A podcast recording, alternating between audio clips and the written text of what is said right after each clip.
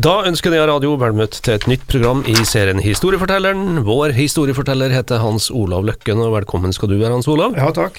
Eh, nå skal det handle om negative kontakter, og da tenker jeg med, en gang på andre verdenskrig. Annen verdenskrig, ja. Det var vel sikkert negative kontakter eh, både tidligere og senere, men Ja, men eh, akkurat i annen verdenskrig så var det jo negative kontakter begge veier.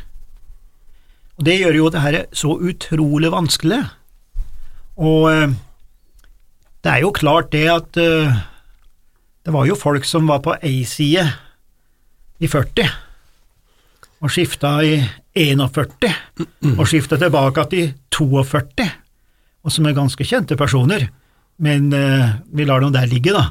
Men det vi da snakker om, er jo de såkalte stripete som man snakka om. Og det er vel knapt noen familie som skal slå seg for mye på brystet i Norge.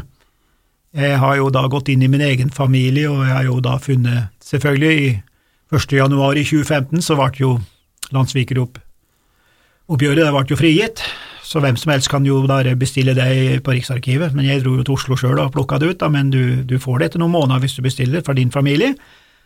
Og alle familier har noen som var på rett side, og noen som var på i gåseøyne feil side, da, for det der skifta utrolig fort og, og tilbake igjen. Man har en tendens til å snu seg litt med vinden, de fleste mennesker. Her. Noen er rene, men de fleste er litt i feigeste laget. Da. Og eh, det er klart at hele det norske statsapparatet og mye av folket ble spent foran den tyske vogna, det er ikke noe tvil om, altså. Og det var med, med myndighetenes tillatelse, da, fra Trondheim, så videre, men det skal vi ta en annen gang. Men det her med negative kontakter, det er så interessant, fordi at du kan se hvor langt enkelte mennesker kan gå, og ta knekken på sine brødre og søstre, bare for å komme inn bakveien. Det er helt utrolig, altså. Det er som jeg, jeg ser noen skriver, da, hvis, og det, vi får gå god for at det er sant, altså, men vi vet noen av de her agentene som gjorde ting som gjorde at det gikk til og med i vei ubåt, altså. De ofra det for oss å komme inn i de rette kanaler, da, kan du si. Og Nå skal vi altså til eh, det som heter Walter Gemeke, eller Gemeke, eller som en uttaler det, Gemeke. Han eh, ble på en måte sjef til Rinnan etter hvert, da. Rinnan opererte jo med negative kontakter. Og denne her Walter, da, Kemeke, som da var under han Gerhard Flesch, som var sjef for Gestapo på Misjonshotellet. Han er også ganske interessant på mange måter, for han klarer seg, til tross for at han hadde fullt av agenter som drev med ulike eh, oppdrag. da. Men Rinnan hadde en konkurrent her i Trøndelag. Han opererte også i Oslo, som het Adding. Og han var opprinnelig halvjøde, for faren var jøde som kom fra Polen. Skilte seg når han kom til Norge, gifta seg med ei anna dame her i, i, Norge. Og her er en Adding der. Han hadde en forskjell fra Rinnan sitt system, for Rinnan hadde et nett med kanskje 50–60 ganske så, så, så, så profesjonelle sånne agenter da, i gåsehudene, brutale her, mens Adding oppdrev helt alene. Han hadde kanskje en to-tre som han spilte på, men ellers var han helt alene, det var verre å ta da, kan du si. Og det som da skjer her på de første årene i krigen, er jo at han Adding, da, som vi vet ikke så veldig mye om, i og for seg, men han klarte altså å innynde seg, eller med noen folk ute i, uh, ute i Leksvika, som var uh, på en måte altså gode nordmenn på rett side, og som hjalp folk til å flykte og forskjellig og forskjellig. Og de uttalte jo allerede sist på 80-tallet òg, de, de, de, overlevde jo og sånn, og de flykta jo til Sverige og sånn, men de, de innrømte at de var totalt narra av han her Adding. Fordi at han Adding, han, han gjorde ting som det var bare en god nordmann som kan gjøre. Altså, det, det, det, Pluss at han var jøde, sier de da i et sånt intervju, men det tror ikke jeg er så veldig viktig, fordi at jeg tror ikke jeg visste i to-tre år før så veldig mye om det der med jødeforfølgelser og sånn, da. Men Han Adding han klarte å oppføre seg på en sånn måte at alle trodde på han. Ikke misforstå det jeg sier nå, men, men du må være dyktig for det òg, skjønner du. Altså klare å narre så folk som er i mistanke.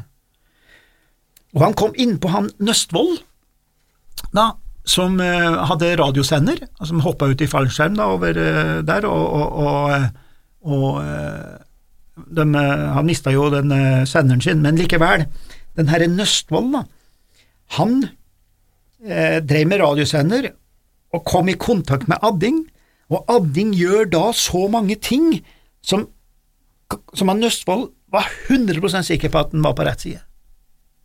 Og Det har han jo uttalt seg om, at det var ikke tvil om at Adding var på rett side. Han ofrer altså folk. Altså kynisk, altså. Han visste at der går det menneskeliv, men det er den prisen eh, vi må betale for at de skal komme enda lenger inn i systemet. Han kjørte jo folk til Sverige, han var med han Bullum som ble skutt opp i Solbakkene i Hummelvika, tok på seg det, vet at det går liv, og spiller et spill uten like. Samtidig har han mye penger, han driver et firma, han har, han, uh, har kontor på Stjørdal. Han var med antagelig når uh, Tyskland skulle ha norske arbeidere allerede i 1940 på Værnes. Uh, fikk sikkert innynda seg, tjente gode penger. Husk på at de hadde timeslønner på mellom 15 og 20, 30, og nesten opp i 30 kroner.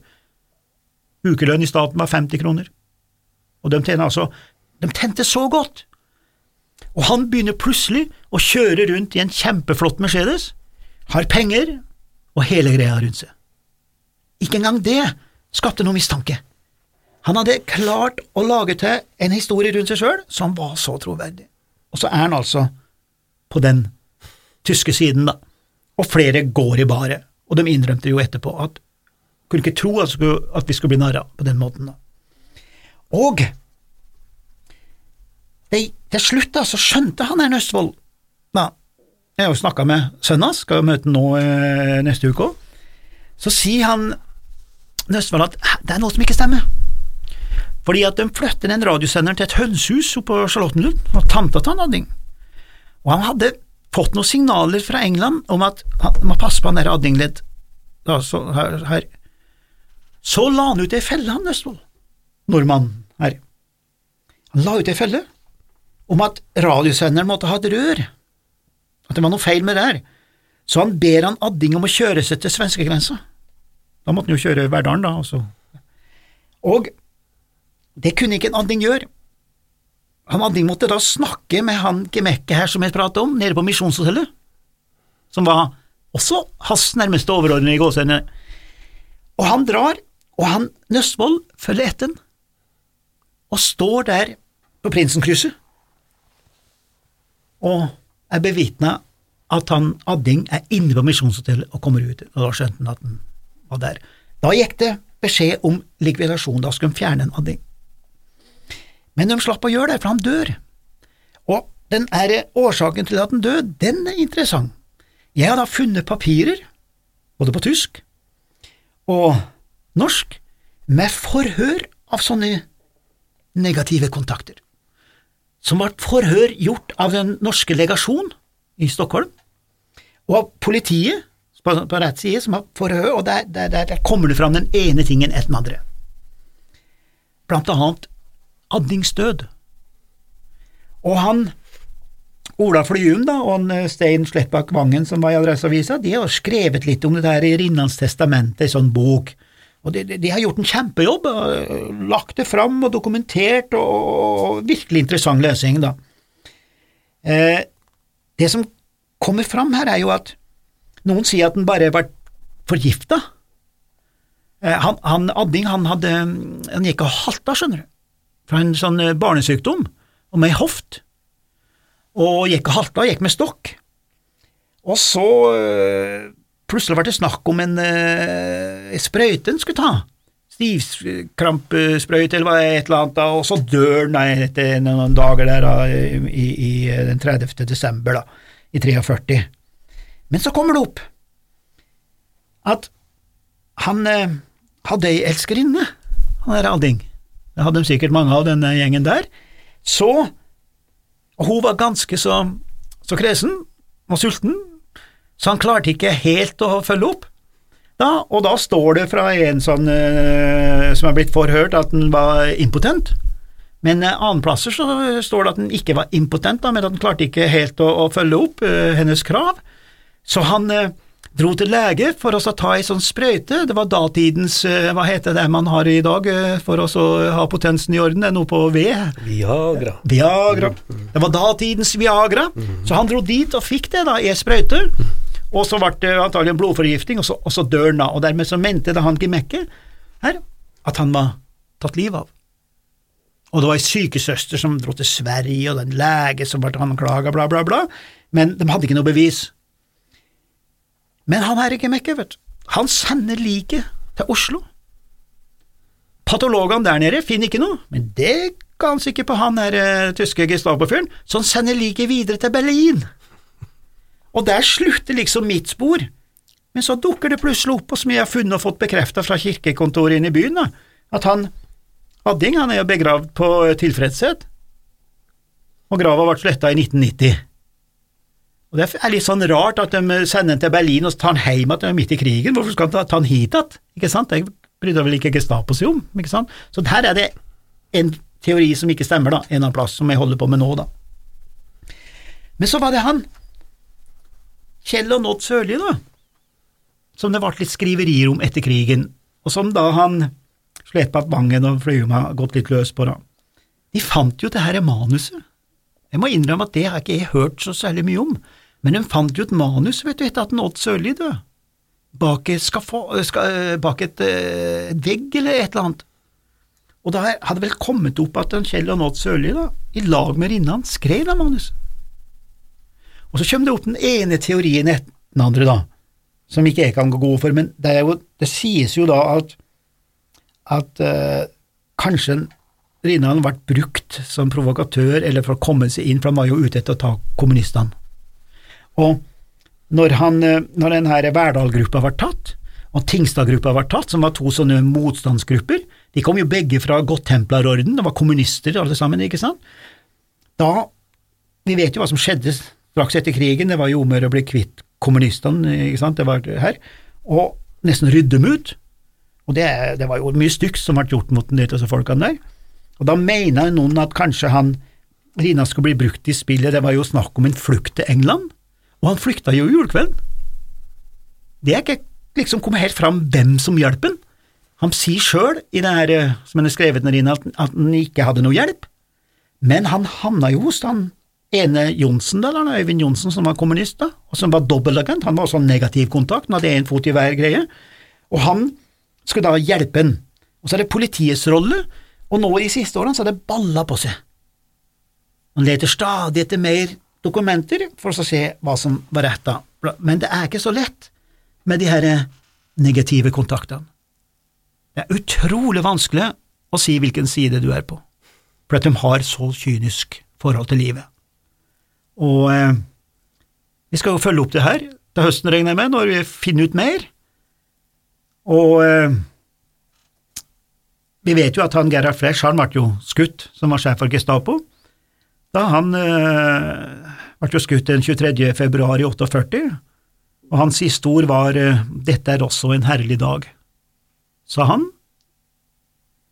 Men hva sa Rinnan? Det er ikke mange som vet hva Rinnan sa. Jo, det er så rart med folk. Det her har jeg tenkt veldig ofte på.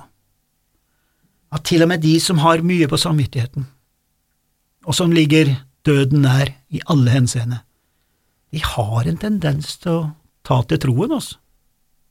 Og presten, Lars Tangvik Hofstad, som var prest for alt det som skjer, han eh, møtte da Rinnan, da Rinnan skjønte at nå kom henrettelsen.